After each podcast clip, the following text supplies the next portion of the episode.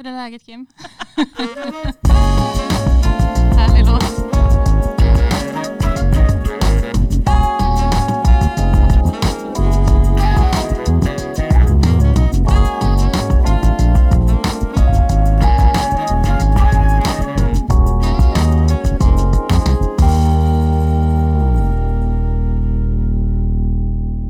Hej och välkomna till Moment Student. Jag heter Olof. Och jag heter Kim. Och idag har vi med oss Asra. Hej, Hej, välkommen. tack, Hej. tack så mycket. Trevligt att vara här. Vad skönt. Du är psykolog du. Ja, precis. Jag jobbar som psykolog eh, och eh, delar min tid eh, genom att jobba med organisationer och grupper och grupputveckling och ledarträning och sen kliniskt också. Vilket innebär att jag sitter med patienter individuellt och i par och eh, jobbar med sånt som kan drabba vem som helst av oss. Stress, ångest, depression och sådär. Så det gör jag. Gud vad härligt. Och jag tänker också att det är skitbra att du är expert på grupper. Mm. För det är det många som tycker är jättesvårt. Mm, mm. Det är jättesvårt. Eh, mm. Det är många studenter som tycker det är ja, grupparbete eller man ska jobba par eller så kan vara jobbigt. Eller kul. Mm. Mm. Vi ska inte bara säga att det är jobbigt. Men Nej.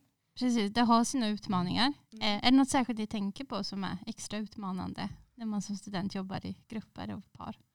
Ja, men vi pratade ju lite om att ehm, man ofta antar samma roll eller att man Mm. hamnar i samma roll. Mm. Ehm, att man är den som eh, smiter undan eller man är den som får ta tag i allting eller eh, så är man någonstans där mittemellan. Mm. eller man inte våg, eller man inte Ja. får utrymme, eller man vågar eller Mm. inte, det funkar inte att jag får plats. Mm. Ingen Mm. lyssnar på mig liksom. Mm. Precis, och det kan jag känna igen. För jag tänker att vi, alltså vi som människor, vi har ju ett så här jättebehov av att bli så här godkända, accepterade, bekräftade oavsett ålder egentligen. För man tänker så här att man blir eh, tryggare med åldern, men det är inte nödvändigtvis. Utan hamnar vi i nya grupper så äh, tänker jag att det oftast är så att man har mer koll på att bli omtyckt än att få uppgiften gjort. I alla fall majoriteten av oss. Äh, och för att kringgå det då, äh, eller för att snabbt hamna i ett läge där man börjar att jobba, så behöver man just prata om det här. Vad är det vi ska göra? Är uppgiften tydlig? Eh, uppgiften kan vara supertydlig men kan också tolkas, eller hur? Vi tolkar olika. Så det är steg ett, tänker jag, att man, man pratar om så här, vad är det vi ska göra? Mm. Och det vet, det vet man ju inte ofta som student tänker jag. Man får ofta grupparbeten där man inte vet riktigt vad uppgiften är. Mm. Eller den är väldigt otydlig. Ja. Jag har faktiskt en övning, jag jobbar med ledningsgrupper och eh, eh, andra arbetsgrupper som alltså sitter och, och, och, och samarbetar dagligen. Eh, när jag träffar de grupperna så har jag faktiskt en övning där jag slänger på dem en uppgift som är lite otydlig. Och sen så säger jag så här, okej ni har 30 minuter på er och eh, göra det här. Då ska de alltså diskutera en rangordning som är helt oväsentlig egentligen. Och det första, majoriteten av grupperna, det första de gör det är att de sätter igång och börjar lösa uppgiften.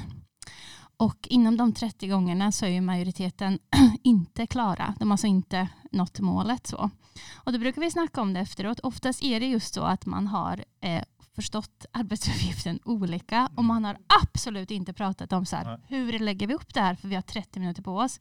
Och jag tänker som student så har man också en deadline, eller hur? Eller hur? ja, man får en uppgift, där ska ni göra, det ska lämnas in eh, det och det datumet. Så att jag tror mitt hetaste tips, ta kort stund, så här, vad är det vi ska göra? Mm. Vad ska resultatet vara? Och nummer två, hur ska vi göra det? Och det blir också väldigt tryggt, snabbt i en grupp. Eh, att jag vet min roll och då slipper jag fokusera på att leta efter min roll. Sen vet vi ju alla när vi hamnar i en ny grupp att det kan vara väldigt skönt att någon tar initiativet till att Ja. börja prata, någon tar initiativet till. Men så fort vi har lärt känna varandra så är man kanske inte så jättenöjd med de rollerna, eller hur? Man Nej. kanske gick in och var ganska lågmäld och efter några gånger när man har lärt känna de andra så känner man sig, nej men jag har rätt kloka, klokt input också. Och då kan det bli lite tjafs om roller egentligen.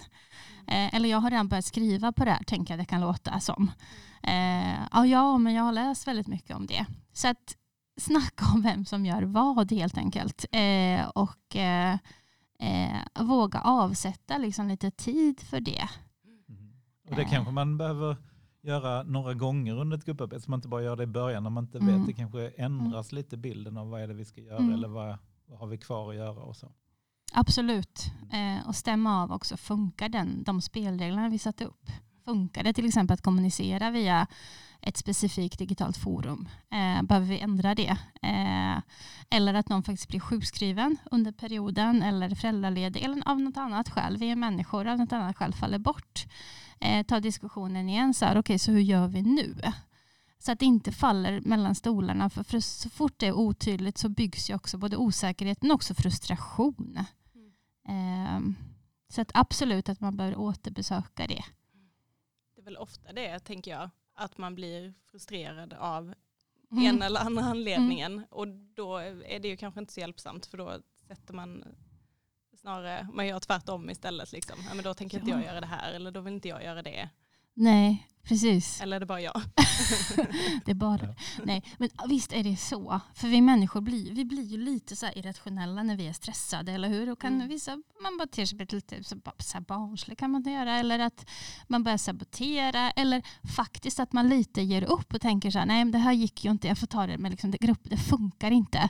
Och det är ett flyktbeteende hos oss. För vi orkar inte ta tag i en konflikt som det ju är.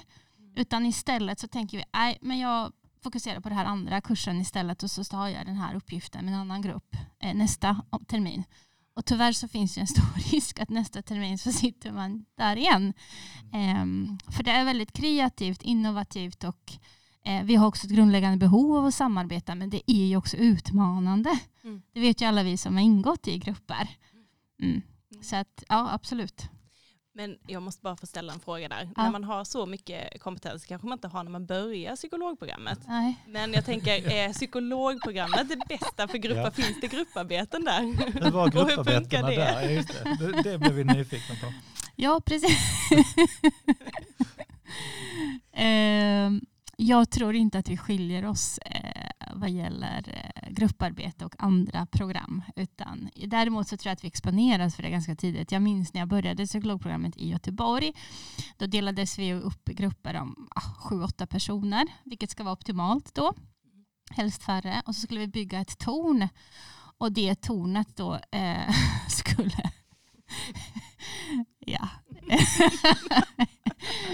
Nej men absolut. Va, vi, vi vad var det ju, ja, vi, vi, det, det, Man kan ju säga att det är en ganska basic uppgift, eller hur? Att bygga ett torn. Vi fick lite papper och toalettpapper och klister och så här. Eh, så jag menar, mina förskolebarn skulle klara av det. Eh, men det blir en prestation. Men inte psykologer då? Nej. jag tänker gemene man tror jag. nice try though. ja. Ja.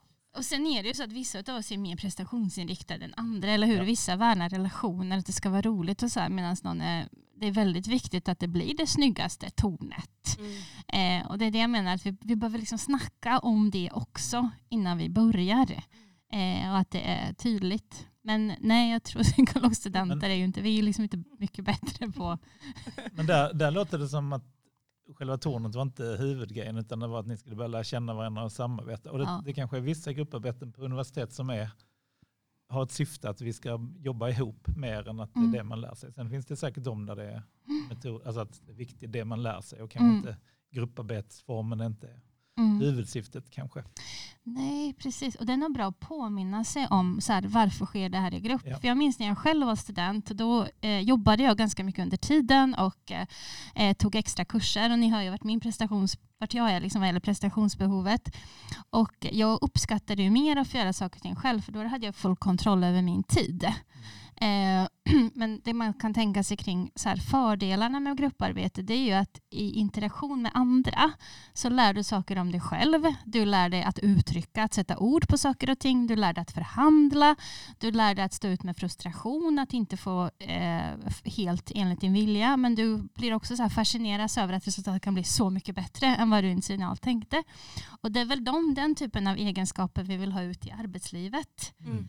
Och vi vill ju ha en person som kan ta eget ansvar och som kan funka i grupp eh, också. Ja. Eh, så jag tror att det finns ett lärande och det är ju så. All, mycket av utvecklingen kostar ju. Det kostar i form av energi och eh, den kostar i form av tid. Mm. Så passa på att gå igenom det för du kommer med all säkerhet att stöta på samma typer av utmaningar när du kommer ut i, i jobbet och då är det så himla bra att man har gjort det en gång, varit frustrerad eller fått tänka till hur behöver jag uttrycka mig för att nå fram med mitt budskap. Eh, eller när behöver jag liksom backa och verkligen lyssna för att förstå och inte lyssna för att svara. Mm. Eh, så jag tror, jag tror att eh, vi har mycket att lära på att jobba i grupp. Även om det enkla många gånger kanske skulle vara att göra det själv. Om man nu är den som är mer prestationsinriktad. Mm. Sen finns det de säkert som blir livrädda när jag säger att man ska göra allt på universitetet. Tänker att det skulle jag aldrig klara. Som har mer det här andra behovet av, av att vara tillsammans och växa tillsammans med andra. Ja, ja. Jag bara tänker så här, borde det inte finnas en kurs i det? Jag tänker du leder för grupper och ledare liksom när de har varit i arbetslivet i 20 år ja. och man ska lära sig det här genom att göra det under studietiden. Borde det inte liksom vara första kursen så här eh, interagerar du med andra människor? Det har jag oftast tänkt. Jag tror, jag tror att det börjar ske lite förändringar på till exempel gymnasieskolor nu. Eh, när jag gick på gymnasieskolan så var psykologi, så här, då skulle man snacka om olika de här gubbar och vad de hade sagt för hundra år sedan mm. och vad deras teorier hette och så. Och när man går på gymnasiet så läser man ju det och jag tror de flesta läser det, man gör tentan och så är det inte mer med det. Eh, jag tror att det börjar ske lite förändringar på psykologiutbildning eller psykologikurserna på gymnasiet. Att man börjar med att prata om det här gruppprocesser och kommunikation och drivkrafter och eh, känslor. Eh, jag tror skulle vi gå ut och fråga folk så här, på gatan nu, så här, varför känner vi oro eller varför känner vi glädje eller varför känner vi eh, depression? Så vet inte jag om folk egentligen skulle kunna svara på det. Så här, vad finns fördelar med att känna sorg? Mm. Vad finns mm. fördelar med att känna oro? Eh, jag, jag, tror att det bör bli eh, en förändring, men det är klart att jag vet inte, har ni sådana kurser på universitetet om mer praktiskt? Om att jobba i grupp menar ja. Eller, ja. Jag vet inte. Ja, det är nog osäkert, men jag kan tänka mig att det ingår lite i vissa program som lärarutbildning kanske de har i vissa att det ingår gruppmetodik och så. Mm. Och socionom hade vi en del när jag läste socionom. Mm. Men mm. Äh, inte, inte över mycket. Det Nej. finns det ju så man kan läsa hela kurser så, grupp och, grupporganisationer eller mm. projektledning och så. Mm. Men jag tänker i alla yrken i stort sett. Det är väldigt få yrken där du jobbar helt själv.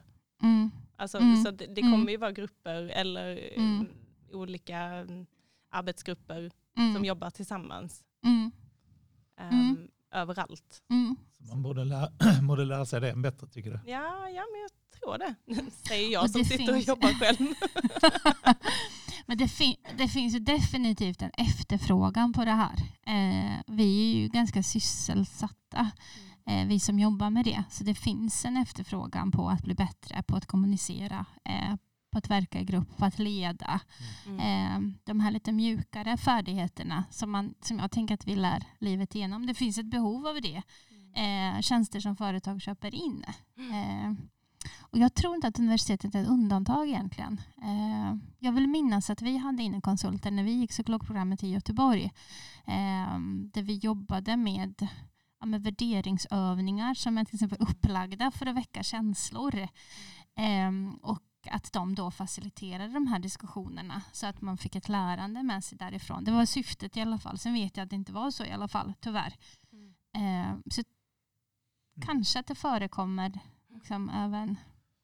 Men vad tänker du Asra, är alla, kan alla lära sig till exempel att leda en grupp eller att vara, vi pratar om där vilka olika, vilka olika arbetsuppgifter man kan få eller att man kan lära sig att eh, passa in eller liksom att fungera i olika typer av grupper. Kan man lära sig det? Alltså jag har ju så hopplös tilltro till människans förändring och det behöver jag ha för att kunna liksom göra det jag gör, eller hur? Eh, jag tänker att man kommer jättelångt med att börja lyssna. Och sen tror jag inte att alla trivs i en ledarroll. Det Nej. behöver vi också prata om. Eh, jag ser till exempel i arbetslivet att man har en väldigt duktig ekonom som är jätteduktig på sina arbetsuppgifter. Och så vill man boosta den personen och så får den ledarrollen och eh, det, det, blir inte alls bra. Eh, det blir inte bra för personen i fråga som tappar i förtroende. För man är liksom inte lika, lika den här kompetenta. inte i alla fall, men till exempel många gånger en person som är duktig på sitt yrke får en ledarroll. Och man får en ledarroll utan någon som helst utbildning eller coachning då. Så jag tänker att man behöver få lite så på fötterna eh, innan. Och sedan så tänker jag också på det här det finns de av oss som faktiskt trivs bäst i att eh, vara själva, som har ganska låg grad av samhörighet och de träffar vi ju sällan i liksom, eh, studentkorridorer. De mm. vill ju helst bo någon annanstans. Mm. Eh, utan de som vi träffar i studentkorridoren det är ju de som har ett större behov av socialt sammanhang eh, och trivs så. Mm. Eh, så så jag tänker att ja, vi kan träna folk att leda grupper, absolut. Men vi behöver också lyssna efter de behoven. Att vissa vill faktiskt inte det. Kanske till och med bli stressade av att behöva göra det. För det, det intresset finns inte lika starkt. Uh. Och, och, på universitetet så blir det då, i och med att man delas in rätt ofta, bara liksom slumpvis. Eller, mm. eller att man, ja, man kan också välja varandra utifrån andra saker, kanske inte hur man jobbar. Och då då kanske det är så att det är fyra personer som ingen vill vara den här, ingen gillar den ledarrollen då, eller, eller det är fyra som vill vara det. Mm. eller, så, fem, all, alla vill vara det. Ja, hur löser man det då? Vilken bra fråga. Hur löser jag man tänker just det här, här är det inte riktigt att man alltid väljer vilka grupper. Det är ganska ofta som studenter inte väljer eller har så mycket att välja på i gruppsituationer. Ofta blir man indelade eller ofta så blir valet med lite ungefär var ja, man, man hamnar. Ja, eller man mm. blir, många blir inte, ja, det är många som säger det, att ja, men jag har ingen att vara men jag fick bara hoppa Eller till mm. slut får man kanske mm. ingen alls. Alltså det, jag tänker ja. man hamnar ofta i grupper, oftare som student än i arbetslivet så hamnar man i grupper som man kanske inte vill vara i eller som man inte har valt i alla fall. Mm. Och, och, då kan det ju vara så, det är kanske fyra som är mm. gillar att vara ledare eller mm. ingen som gillar att vara ledare eller vad man nu ska använda det begreppet. Eller alla är bra på få andra att jobba men det mm. kanske saknas någon som jobb, gillar att utföra och så. Mm. så de här, man är olika personer. Hur gör man då när man, mm. hur kan man hantera det då? Man mm. kommer in sån... Ja, men väldigt bra fråga. Och eh, det jag tänker en, en tumregel är väl att fokusera på uppgiften och inte på personer eller relationer i den mån det går. Eh, och då är det just att prata om så här, okay, vad är det som vi ska göra? För att alla är vi, uppgiften är väldigt angelägen för alla inblandade, eller hur? För det eh, är ju nära förknippat ja. med huruvida man blir godkänd eller inte. Och det vill man ju bli som student. Så att uppgiften är förknippad, eller väldigt angelägen för alla. Mm. Eh, så snacka om vad är det som ska ske och prata också om, återigen, om hur, är det, hur ska vi göra det? Och är det så att någon vill ta mer plats och alla är fine med det, ja men jättebra. Men sätt ord på det då. Mm. Eh, det finns ju också de vid redovisningar som gärna tar mycket plats och också får mycket bekräftelse och blir väldigt validerade. Och så står man kanske bredvid och känner så här, ja men jag har gjort minst 50 procent här och det är ingen som ser mig. Nej. Nej. men sätt ord på det innan. Hur gör vi nu då innan vi presenterar? Eh, och det är helt okej okay om, om det nu kriterierna för att bli mm. godkänd också är det Eh, Eh, att någon tar mer plats vid en presentation så, så är det fine. Men jag tror mycket på det här att ja, men, ta fram det på bordet, sätt ord på det. Eh, och det här är ju, om ni tänker på relationer till exempel då, som vi är i. Eh, vi gör ju det här hela tiden. Vi snackar ju spelregler hela tiden om hur vi ska göra saker och ting. Eh, vad är okej att säga till varandra eh, vad gäller eh, gränser i relationen? Var, var går de? Och det är liksom inte givet när man träffar en person. Utan det, det är ju någonting som vi skapar tillsammans, vi uttrycker behov, förhandlar, skapar tillsammans längs vägen. Och fixar man inte det så brukar man ju oftast gå skilda vägar. Eh, och det är fine. Men i ett grupparbete som sagt så är man väldigt beroende av att få ett godkänt. Och att då våga prata om det. Också våga uttrycka jag undrar om jag, om jag gjorde de sakerna när jag själv var student, precis. Efterklok. Det, det har vi ja, varit inne på här, man, man behöver inte leva som man lär alltid. Nej, Nej. det känns gott att veta. Nej, men jag tror när jag började psykologprogrammet så var jag väldigt, jag kom från en personalsamordnarroll där, där jag hade jobbat med att liksom, styra upp arbetet, eh, en daglig verksamhet. Och eh, ganska omedvetet eh, tog, med, tog mycket plats och tog mig an eh, uppgifter och började liksom styra och ställa. Och det föll ju inte alltid så väl ut, så gott ut. Så jag fick ju liksom lära mig lite den hårda vägen. Eh, idag när jag har lite bättre koll på grupppsykologi och personlighet och mänskliga drivkrafter och så här. Så kan jag sitta här och säga att det är så himla viktigt att göra de här sakerna. Och, och, och det är det. Eh, men jag är inte så säker på att man vet det när man börjar plugga eller att man har så mycket fokus på så här, hur ska det här ske. Utan man har fullt upp med att planera vilka kurser man ska ta när. Och, mm. ja, om man, och de festar väl ganska mycket, gör de inte det? När man går? Det är nog väldigt olika. Det är olika, ja. Och jag tänker också, ja, det är nog extremt olika på olika program. Och nu med okay. pandemin är det väl inte ännu mindre fester. Men jag tror det också är olika från Malmö, Lund till var man pluggar också. Ja. Men det är olika från student till student tror jag. Ja. Vi har ju, det finns nog många studenter som inte festar så mycket. Som kanske saknar det och som skulle göra det. Eller som har familj eller som inte... Ja. Mm. Om man har familj så festar man ju aldrig, det vet vi. Nej, gud nej. Fråga Astra. titta, titta på Kim och Astra här. Ja. Mm. Nej, men, eh, eller hur? Det, så det är olika. Men det jag, det jag tänker på är, är väl, jag vet inte hur det var för er, men det är väldigt olika ambitionsnivå också när man pluggar kanske. Mm. Att någon, någon tänker bara, jag, bara, jag gör det här bara för det, för det gjort. Liksom. Mm. Eller jag, bara, jag skiter i hur det blir. Medan mm. någon kanske vill göra ett jättebra arbete eller mm. lägga ner mycket tid. Mm. Precis några jobbar extra och så. Det hör vi mycket. Att, mm. att, ja, men, de i min grupp de bara jobbar. De vill bara liksom ja. ses på kvällen eller, eller, ja. de, eller de, vill, de har aldrig tid att ses. Nej, precis. Och då är det väl ett schysst sätt att fråga. Okej, okay, hörni, vi ska bli klara med det om tre veckor. Eh, nu när vi tittar i kalendrarna så kan vi få till en träff. Eh, hur ska vi göra här? Mm. Att våga ställa frågan istället ja. för att kritisera. Och så här, Herregud, ni har inte tid med det här och vem ska göra mm. uppgiften? Utan istället faktiskt eh, stämma av. Mm. Hur löser vi det nu utifrån de förutsättningarna? Precis. Eller kanske kräva faktiskt att ja, men jag har faktiskt betalt för den här mm. studietiden och jag vill, mm. jag, vill, eh, mm. jag vill ha ett bra, eller bli godkänd på det här. Så mm. det är faktiskt krav, lite krav att vi ses liksom på dagtid eller, eller, eller, att vi ses en del tid. Precis. Det är svårt som student, vi vet ju det, det är svårt att kräva det. Mm. Ja, men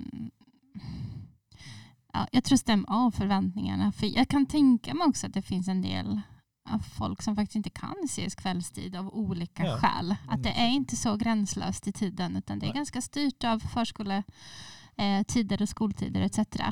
Eh, och jag menar, når man inte, alltså har man hamnat i en grupp där fyra tycker det är helt okej okay att köra söndagar, om man själv känner att jag får inte ihop, liksom, eh, våga lyfta det och våga ta hjälp av en tredje part som är kursansvarig, tänker jag. Ja. Mm. Eller hur, att man kan ja, gå till lärarna och våga säga göra det. Funkar inte för mig. Nej. Mm. nej.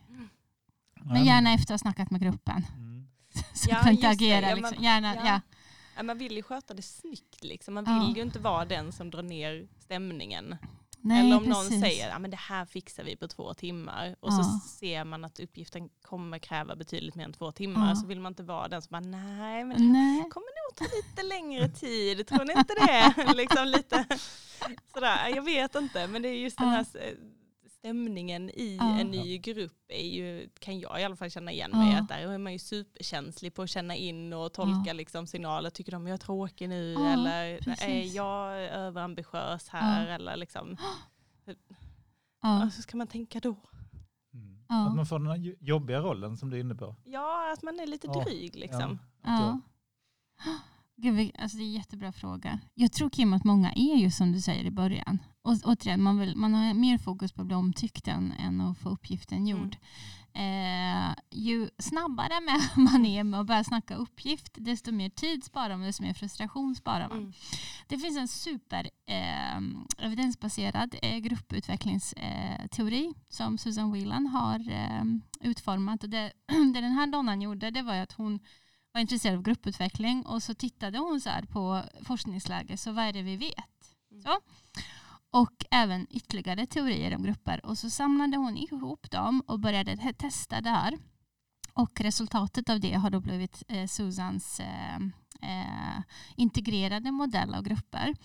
Och hon likställer det på att så här, grupputvecklingen kan likställas med människans utveckling eller livscykel. Mm. Så först har vi den här spädbarnstiden. Då är vi så himla mm. beroende, eller hur? Vi är så himla beroende av någon annan. Och oftast är det då den som har steppat upp och tagit någon slags ledarroll. Och man kritiserar inte den, utan det är liksom någon som håller låda så. Ja. Eh, och man man accepterar, alltså mamma är ju felfri, lite så. Mm. Eller vårdnadshavaren är felfri. Mm. mm. Sen nästa fas man går in i, det är tonårsfasen. Vad kännetecknas den av? Revolt. Revolt, eller hur?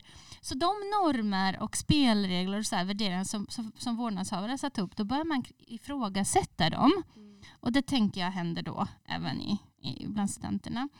Och redar man ut det här med roller och hittar man sig själv i det här och liksom får rätt fokus och så, ja men då går man in på den här ung vuxen. Eh, man kanske inte har koll på allting, men man har börjat jobba och, eller plugga, eller man har en bostad, kanske en första relation och så här. Och sen sista fasen då är produktivitet och den här stabila eh, medelålders personen som har koll på saker och ting. Blir, ja. man, blir man det medelålders? Vilken ålder börjar det? Ja, ja. Jag trodde man blev trött Nej. och gammal. Och, ja. och vet ni, de flesta grupper, arbetsgrupper i, i, i världen, de når inte den här fas 4. okay. de, det är liksom var fjärde tror jag, sist jag kollade, var fjärde grupp mm. som når den här stabiliteten. Man, man fastnar i liksom, någon av de tidigare grupp, äh, man faserna. Fastnar, mm. precis. Eh, så när du säger så, men hur gör man då? Eh, vetskapen om att eh, kanske kan pusha den lite och sen är det det här hur man säger saker och ting. Mm. Eh, att, att ställa frågor eh, mer än att den som säger nej men det kommer aldrig gå på två timmar. Mm. Utan så här, spännande, du tänker att vi fixar det på en helg. Berätta mer, hur lägger vi upp det? Är ni med? Ja. Bjud in. Så att den ja. andra kanske själv tänker att ja, just det. Ja. Det är ju fem artiklar som ska igenom. Mm. Kanske är det inte rimligt. Det var coolt. Jag tänker att man borde dra den liksom, analogin ja i början av varje grupparbete ja. och bara kunna identifiera, okej okay, nu är vi i tonårsfasen, ska vi chilla lite? Det hade varit skitbra. Ja. Ja. Gör man så i relationer också? Nej, det här är en gruppteori så ah, man okay. behöver vara minst tre. Så ja, men det kan vara tre det kan, det kan man vara. Ja. ja okay. men i en familj kanske? Ja. ja. Men vad ska man tänka på där då i till exempel i den första fasen då? Om man är, som du säger, man är beroende av de andra, man, man kanske mm. inte vill vill bli utesluten, man vill inte bli lämnad. Alltså man, mm. måste, man, måste, mm. man vill vara omtyckt i gruppen. Mm. Vad, är, vad är viktigt att tänka på då? Och då tror jag jag vänder mig först till, till studieansvariga. Eh, där kan man hjälpa till genom att vara väldigt tydlig med vad man förväntar sig för resultat av eh, grupperna. Mm. Eh, så att man lätt, lättare börjar få gruppen att fokusera på uppgiften och inte på så här, ja du är också ljushårig så vi kanske kan teama ihop. För det är liksom på den nivån. Ja. Eh, jag råkade träffa dig i korridoren först, alltså känner vi varandra lite här i gruppen. Eh, och vi, vi, kan ju liksom dela på den här uppgiften. Det blir ju lite den eh, mm. vad ska man säga, godtyckliga uppdelningen. Så som, som studieansvarig eh, eller kursansvarig då så kan man faktiskt hjälpa till med att det är det här som ska göras och, och det ska göras där. Man kan också uppmuntra så här, eh, prata lite grann om hur ni vill lägga upp det här. Eh, de här sakerna är tillåtna, de här sakerna är inte tillåtna till exempel. Man ger lite ehm, ramar till, till gruppen mm. i början, så inte helt ja. oskrivet. Ja. Precis, om man inte slänger ut gruppen eh, allt för strukturlöst. Mm. Eh, och sen när man sitter där så får man så får man jättegärna säga okej, okay, alltså man kan ju börja med så här, hur har ni uppfattat uppgiften? Mm. Det blir ett sätt att, att, äh, att äh, fokusera på vad är det vi ska göra. Mm. Äh, och en annan sak, det här med roller och så, det, det kommer ju bli aktuellt mer i fas två. Eh, vem som gör vad och eh, kanske börjar man ifrågasätta de här spelreglerna som man satte upp. Nu gick jag med på att träffas på söndagar. Mm. Eh, trots att det blev jättemycket stök hemma hos mig. Nu gjorde jag det för att vara snäll och då började jag säga ifrån. Mm. Och så blir gruppen så här, men vänta lite nu, du har ju signat upp på det här redan. Vi har ju planerat in de här. Mm. Eh, och det är en fas 2-grupp ganska mycket. Mm. Hon, Susan Wigland ska ha sagt någon gång så här, om du vaknar upp på morgonen och liksom hellre hoppar från en bro än går till jobbet, då är det en fas 2-grupp. Så man känner det liksom i kroppen. så. Nej, det, är. Eh, och däremot om man liksom på fredag eftermiddag, lämnar jobbet eller gruppen och tänker så här, oh, jag längtar till måndag redan så är det en bra signal för att man är liksom i fas fyra. Mm. Så man mm. känner det. Eh, så snacka, snacka, snacka. Mycket eh, tydlighet. Mm. Men gäller den här strukturen samma till exempel i korridorsboende? Eh, folk som bor i samma lägenhet eller alltså som kanske inte är i någon romantisk relation då men alltså mm. att man mm. bor ett gäng mm. eh, tillsammans eller i korridorsboende där det är väldigt fördelat kanske med samma kylskåp, vem städar, mm. vem diskar, vad, vad händer, händer det samma sak där? Mm. Precis. Det är ju inte en grupp på samma sätt. Man säger att i, om man ska definiera det som en grupp och liksom prata om grupputvecklingsprocesser då ska man vara beroende av varandra för att få en uppgift eh, genomförd till exempel. Mm. Och det är det inte. Om jag står i kassan eh, på ICA så är inte jag en grupp med de andra som står i kassan. Även om vi har samma mm. mål så är vi inte beroende av varandra. Jag kan ju lämna, de kan ändå fortfarande betala och gå därifrån. Så, så det är inte. Men i korridors, precis. För ni vet, korridors eh, konflikter eller utmaningar, de skiljer sig inte så jättemycket från köksutmaningar på arbetsplatser, eller hur? Vi sätter ju upp lappar där också att din mamma jobbar inte här och ni vet de här sakerna. Jag har sett dem. Vem är det som aldrig tömmer diskmaskinen? Exakt. Ja. ja. ja. Um, det här är väl bra att prata om. Alltså jag har ett så socialt kontrakt. Uh, för i en korridor, hur många är man som bor då? Jag vet inte, jag har aldrig bott i korridor. Inte jag heller. Det finns nog jätteolika varianter på det. Ja. ja. Så det kan... Men det är säkert minst... Fem, tio stycken. Ja. ja, fem, tio stycken. Då skulle jag nästan vilja ha så här korridorsråd kanske till att börja med. För att sätta upp lite så här förväntningar på varandra. Folk är ju mer eller mindre, vad heter det? Vad heter det? När man är noggrann med städning. Mm. Pedantiska. Pedantiska, ja precis. Precis. Eh, och prata om så här, kan vi dela upp det eller hur, hur ska vi göra? Eh, och kanske börja med att lista saker som behöver ske där man är eh, beroende av varandra. Man kanske behöver städa ur kylskåpet emellanåt eller dra av borden emellanåt. Och, Ehm, att faktiskt göra det tillsammans. Jag tror inte de här lapparna hjälper så mycket. Att jag kommer in och har liksom just lagt ner jättemycket tid på min punktlista om vem som gör vad. Så här. Vi, vi, vi svarar ju inte så bra på det här, vi människor att bli tillsagda vad vi ska göra i det sammanhanget. Utan då är det bättre att samlas och prata om hur gör man med disken? Är det okej okay att den ligger över natten till exempel? Får man, eller om man delar köksredskap? Eh, behöver man ta hand om det direkt eller är det fine om att få ha lite dåliga dagar? Och där tror jag att olika grupper kommer komma, till olika, eller kommer komma fram till olika saker och det är okej. Okay. Så länge det fungerar för dem. Eh, och sen får man ju alltid lov att ändra sig, brukar jag säga. Och då behöver man liksom ta ett snack igen kring mm. det. Så här, vad är det som gäller nu? Och försöka komma överens. Men jag tror mycket på det här sociala kontraktet. att Vad förväntar du dig av mig nu när vi bor i den här korridoren? Och vad förväntar jag mig av dig? Mm. Eh, och givetvis var, tänker jag också, så här, rimlig kanske i sina önskemål. Så långt det går. Jag, tänk, jag tänkte på det, lär man Tror du att det är olika personer? En del, en del får liksom förtroende och lär känna och får relationer genom något man gör. Alltså att man löser uppgiften. För det låter som du är rätt mycket inne på att lösa uppgiften. Att man ska prata om den. Mm. Men det kan, mm. kan det vara så att man lär känna varandra eller man får relationer? Att först behöver man liksom ha tillit och kanske lära känna och göra något kul ihop eller bara sitta och snacka eller bara fika eller äta. Alltså att lära sig mm. gå ut och ta en öl eller göra någonting och sen kan vi Mm. Sen funkar jag med folk, men innan det, alltså är man olika där? En del behöver mm. liksom lära känna folk innan man kan fördela arbetet. Och en del lär inte känna, en del vill börja mm. jobba mm. och lära känna folk genom att jobba. Liksom. Mm, precis. Alltså man är olika där, medan för vissa är det kanske jättebra om vi tar bara vi går ut och vi gör något kul eller vi åker på så här teambuilding. Var det ett tag populärt med företag, man skulle åka på ja. teambuilding helg och sånt. Och det är det än idag väldigt populärt okay. att eh, man spenderar tid och pengar på att dra iväg på en konferens och eh, kanske lära sig att spela paddel och så. Och så kanske man betalar ganska mycket pengar för det och kommer tillbaka till kontoret och tänker så här, nu har det varit schysst, eh, vi har varit iväg, ni har fått top notch mat, eh, dryck, eh, ni har varit här på betald arbetstid. Så att eh, varsågod och prestera. Mm. Och så blir det inte så Nej. många Nej. gånger. Så det, det, vi vet till exempel det är ju att eh, vår prestation eh, påverkas inte i en positiv riktning bara för att vi har täta afterworks eller för att vi okay. åker iväg och rider hästar en, en helg. Så. Eh, det är trevligt Eh, det kan höja ens eh, välbefinnande under den helgen. Eh, vi kan ha väldigt mycket trevligt. Men om jag, om jag och Kim åker på den konferensen när jag är oense om uppgiften så kommer vi vara lika oense om den efter den konferensen.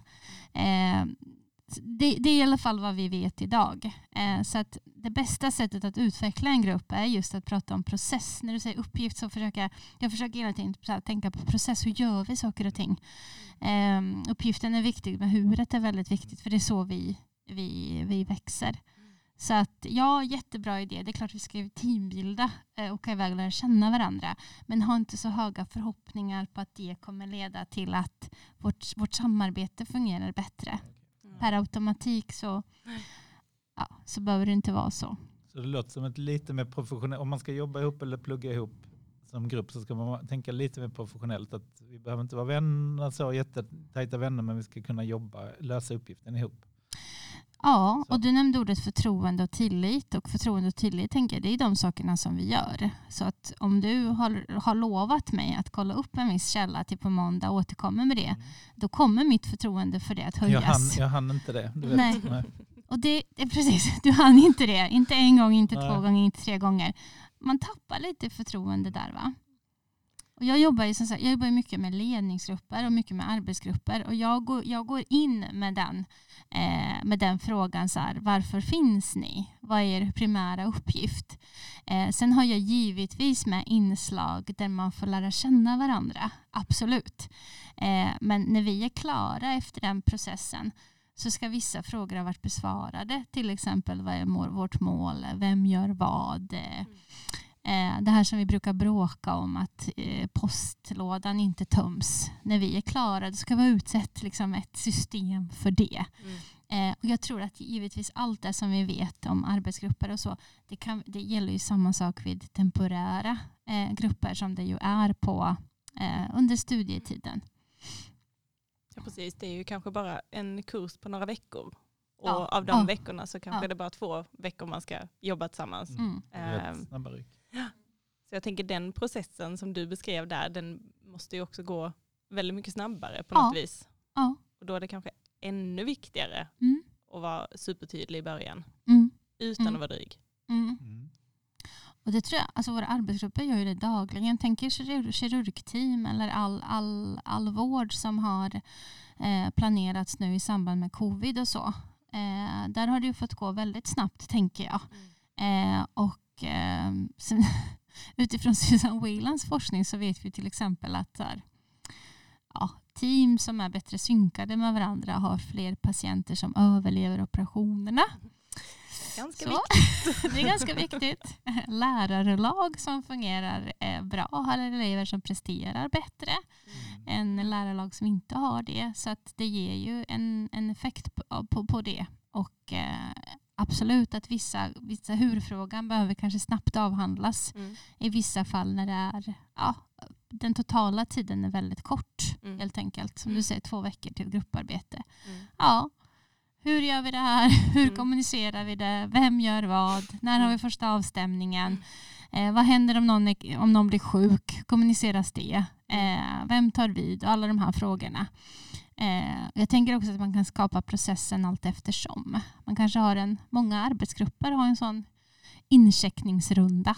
Eh, till exempel arbetsbelastningen och så får man skatta sin arbetsbelastning genom att ange siffror eller färgerna röd, grön och gul. Mm.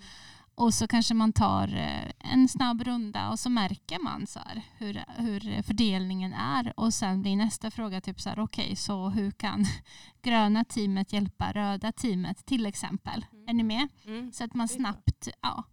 Eh, så det, det, finns ju en uppsjö av sätt att göra det här på. Mm. Eh, och då kan man fråga sig så här, men hur ska man som student veta det? Ja, kan lyssna på den här podden eller kan man göra, eller hur? Jättebra, jättebra Tim. All, allas fina frågor besvarade här kan man säga. Ah, ja. Ja, mm. Känner ni igen det? Att jag, jag tänkte en, när jag gick i, i, skolan, eller jag tyckte, ett tag tyckte jag alltid att jag hamnade i en klass eller i en grupp eller ett lag eller så där alla andra var, hade roligare. Liksom. I min klass i nian, alltså tänkte jag, oh, att jag inte gick i den klassen, det verkar skitkul där. Eller om det var grupparbete eller ett lag i fotbollen så var ingen stämning i vårt lag men i alla andra verkar ha så kul. Och jag tänkte också samma på universitetet. Ja, nu sitter jag med den här gruppen. Förlåt, ja. det bara känns som vem var den gemensamma ja, nämnaren? Det var kanske jag. Ja. ja. Det har vi, det, jag tänkte hela livet på det här. Nu kommer det bra. En psykolog, en barnmorska. Men titta nu är du i den här gruppen och vi har jätteroligt. Äntligen. Och du skrattar inte så mycket. Jag tänkte nog att den andra podden var roligare än denna. Nej. Nej, men, eh, Som vi pratade om tidigare, försvar, man blir stressad. Nej men jag tänkte det att man är lätt, jag tänkte i alla fall, eller kanske bara jag då, om det bara jag Nej, så. jag känner jag igen tror, mig. jag tror att någon annan har tänkt så, att man känner igen, att man tittar på andra grupper då, eller uh, vad de verkar vara, uh.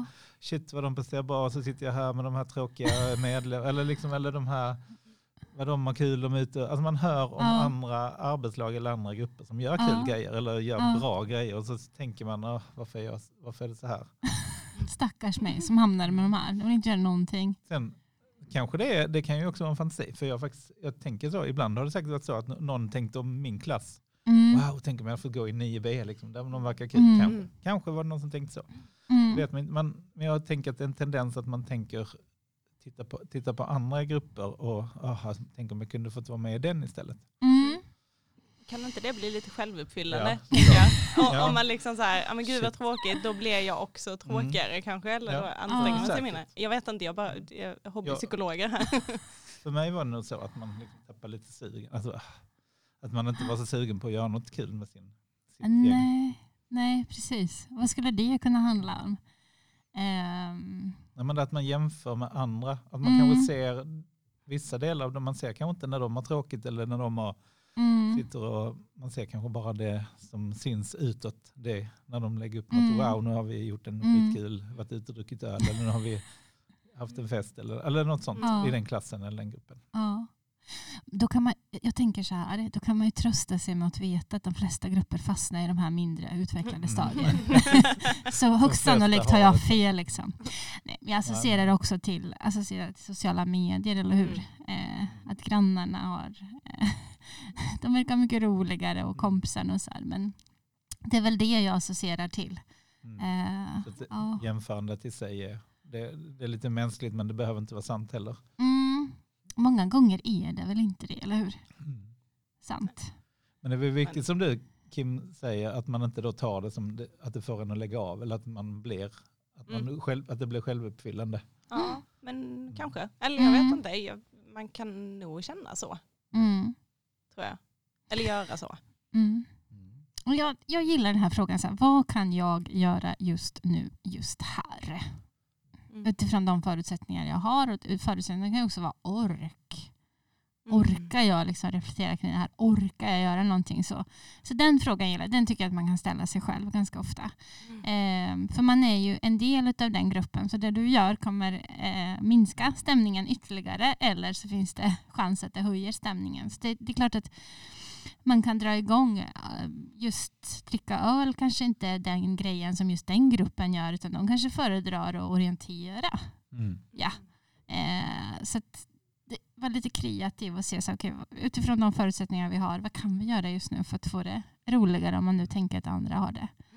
Eh, mm. Finns det något litet jag kan göra just nu, här och nu? Jag behöver inte lösa hela ja. problemet heller. Precis.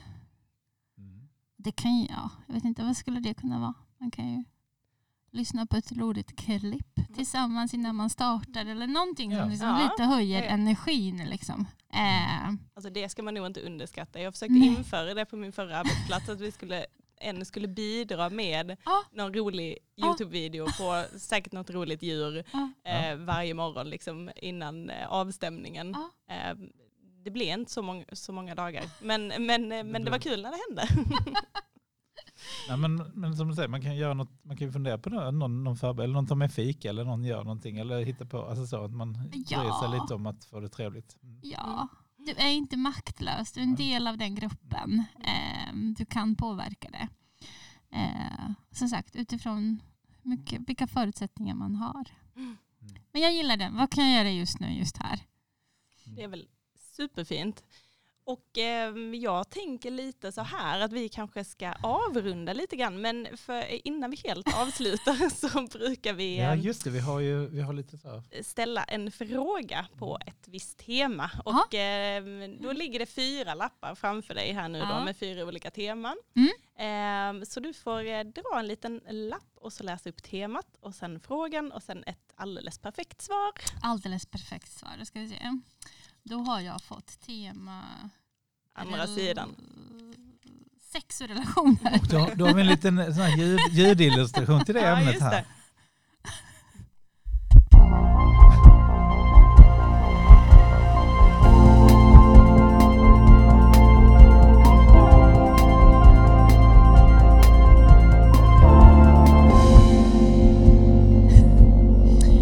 Hur kommunicerar man bäst feedback i en relation?